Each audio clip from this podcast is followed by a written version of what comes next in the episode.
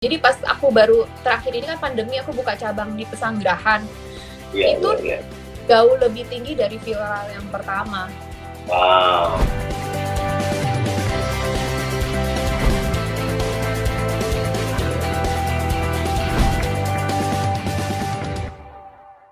Begitu viral, begitu viral gitu kan ya, naik gitu kan, tinggi penjualan makin naik gitu kan. Apakah setelah itu terus turun lagi atau Lina melakukan sesuatu jadi terus bisa bagus dan naik outlet itu? Gimana ceritanya Lina? Jadi gini, waktu pas viral emang naik gitu kan. Nah ada suatu masa gitu ya, di mana eh, omsetnya itu eh, turun, turun Oke. tapi nggak banget gitu ya. Tapi kok nggak bisa naik lagi gitu kan? Apa yang aku harus lakukan gitu kan?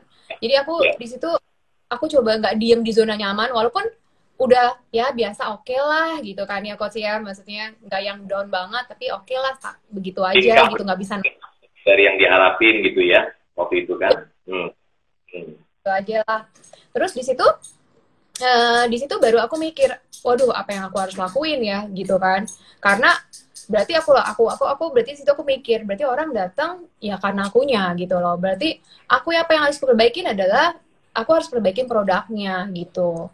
Nah, di situ baru aku mulai eh eh, kan melayanin eh, ini karyawan aku udah bisa masak masak mie-nya udah bisa gitu kan. Nah, di Oh, kamu udah ngajarin karyawan tuh ya untuk masak mie segala macam gitu kan? Ya, ha-ha. dan aku pun aku pun emang dari awal punya tekad. Dulu kan awal aku kan nggak bisa kan masak di kompor api besar Hmm. itu. Aku punya tekad, eh, aku harus bisa. Jadi aku nggak mau bergantung sama staff aku. Jadi suatu saat chefnya nggak ada, yang nggak bisa masak, misalnya nggak ada yang bisa masak nasi goreng atau apa, aku pasti aku harus turun tangan gitu. Aku harus bisa gitu. Dan di situ aku udah bisa. Cuma dan di situ baru aku explore ke bahan bakunya. Aku coba pertamanya itu kan eh, aku masih kerjasama dan aku banyak eh, ambil dari supplier kayak bahan yang dijualnya itu kan. Nah Ya, di situ ya. iya betul. Jadi bukan masakan aku sendiri gitu. Ya. Nah di situ baru aku minta bantuan mama juga, dibantu sama mama. eh aku harus bisa nih. Berarti aku harus bisa bikin uh, bahan baku aku sendiri gitu. Aku harus bisa bikin semua bahan baku dan aku harus bisa bikin brand aku sendiri karena aku pengen buka coach gitu loh. Karena aku pengen berkembang gitu. Jadi aku nggak mau cuma walaupun udah bersyukur lah satu cabang udah jalan gitu kan. Sebenarnya untuk kebutuhan udah cukup lah, maksudnya masuk lah, ada masuk ke eh, ini. Cuman aku pikir aku harus berkembang gitu. Aku pengen kuliner ini aku berkembang gitu. Nah di situ baru aku bikin semua tuh coach. Aku coba mm, bikin eh, somai, bakso goreng sendiri dari semua mie, bumbunya. Aku pelan-pelan sampai eh, aku branding lagi kan aku bikin yang itu tuh yang non halal yang bipang. Eh, mereknya apa brandnya kamu? Sekarang ini kamu nama brand Brandnya kan Mbak Chantalina, pakai brand sendiri Pak udah. Oke, Iya. oke, siap. Itu awalnya belum, awalnya belum. Terus, ya, terus? sambil sambil bikin itu juga, kemudian aku branding juga. Aku brand cara penjualannya adalah aku branding di media sosial juga. Jadi gimana aku potong eh, bipangnya itu pakai golok gitu, aku kering kering keringin gitu. Iya. Nah, puji Tuhan ya, puji Tuhan ya. Jadi pada saat aku, padahal kan aku belum bisa bikin nih coach, tapi aku langsung, aku udah langsung eh, beli tuh alat-alatnya semua, panggangannya, mesinnya, udah pede, udah pede, Pede. Iya, pede berarti. Oke. ya jadi udah nekat pokoknya pokoknya aku harus bisa aku pokoknya aku yakin aku pasti bisa lah gitu tapi puji Tuhan ya kalau kita emang ada tekad mau belajar ya pasti bisa. Kita kan banyak banyak banget kan sekarang yang bisa kayak kuliner. Kita kan bisa belajar dari YouTube juga gitu kan. Ya. banyak hal yang bisa kita lakukan gitu. Nah di situ eh, baru aku eh, branding brand aku juga sendiri. Ada sih ada ada perasaan eh, aduh gimana ya eh, pada eh, apa branding aku bisa naik nggak ya gitu kan ada sih ada perasaan seperti itu gitu tapi aku percayalah aku percaya aku berdoa juga Hmm, puji Tuhan dari aku benar-benar mengeksplor eh, produk brandingnya nah itu eh, itu ternyata viral lagi gitu loh jadi Apa Iya. karena promonya atau karena ada kamunya lagi juga? Memang kamu salah satu dari dari apa ya discriminator? Dari pembeda gitu Lin? Apa gimana yang viral kedua itu? Eh, jadi viral kedua itu mungkin mereka eh, awalnya ya mungkin perasa eh, jadi aku kan explore post juga kan di media sosial aku potong babi kering gitu kan. Mungkin mereka penasaran sama produknya terus Oke.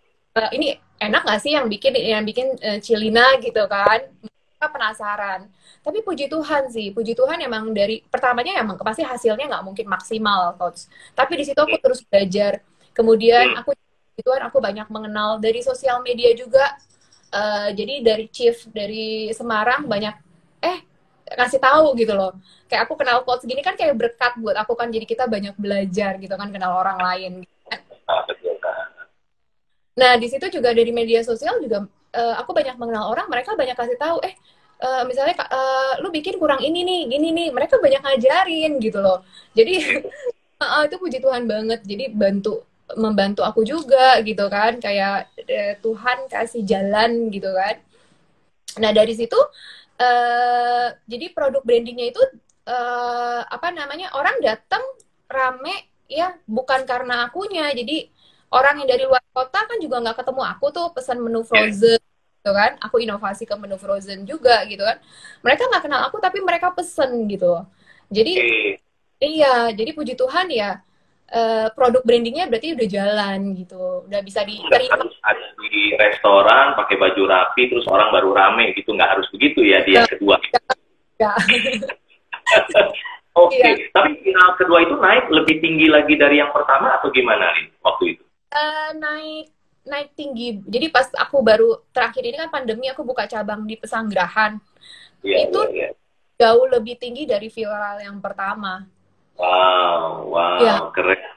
sampai Keren. kewalahan jadi pas buka cabang Oke, kita belum ngomongnya buka cabang dulu. Kita ngomongin kok bisa biasanya orang itu viral, set gitu kan, kayak kayak soda lah gitu kan, set naik terus turun gitu kan, Lin, ya kan? Hmm. Tapi Lina kan naik terus agak di tengah sedikit, lalu kamu bisa naikin lagi gitu kan. Waktu itu masih satu cabang lah ya, karena kamu Iya. fokus produknya, jadi orang benar-benar suka, jadi akhirnya mungkin orang coba gitu ya, Lin ya. Ya betul betul coach Oke, nah terus kalau strategi kamu gimana? Kok akhirnya bisa buka cabang gitu? Sekarang cabangnya berapa ya, Lin? Nah, aku baru tiga coach Tiga Baru- ya? Oh itu luar biasa lah ya. Maksudnya di luar pandemi juga dari sebelum pandemi udah tiga gitu ya.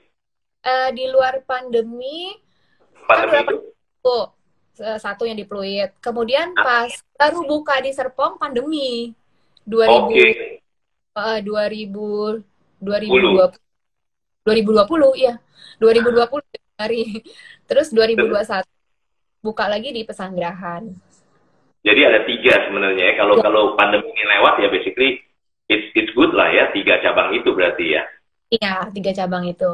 Puji Tuhan. Jadi kebanyakan orang itu satu bikin satu bisnis dia rame karena dianya yang nggak harus nggak harus seperti Lina. Maksudnya nggak harus viral karena si ownernya tapi biasanya ownernya tuh turun tangan banget ya. Kalau misalnya cerita video Johnny the Teow Man kan yang masak si Johnny gitu kan ya. Karena Iya, iya. masakannya enak maka orang suka gitu kan. Nah si Iya. Johnny ini kan nggak bisa tinggalin bisnisnya Lin. Karena harus dia yang masak gitu kan. Nah iya. Iya. bagaimana bikin cabang kedua kan? Makanya bisnis profitable iya tapi nggak autopilot gitu kan. Nah di Lina ceritanya beda nih Lina bikin Lina masak iya tapi punya chef juga tapi Lina bisa masak lalu viral oke naik lalu naik lagi wave sekarang kamu bikin cabang. Nah ada kesulitan-kesulitan apa waktu bikin cabang? Kan berarti Lina nggak bisa ada di situ dong gitu kan? Ada kesulitan apa Lin yang dihadapi di awal-awal buka cabang begitu Lin? Sebagai pemilik bisnis gitu. Sebenarnya sih kalau buka cabang itu sebenarnya kalau aku eh, gimana kita training mentraining chiefnya yang ke bagian masaknya kan mereka harus ikutin sesuai SOP. Yang penting ada. SOP.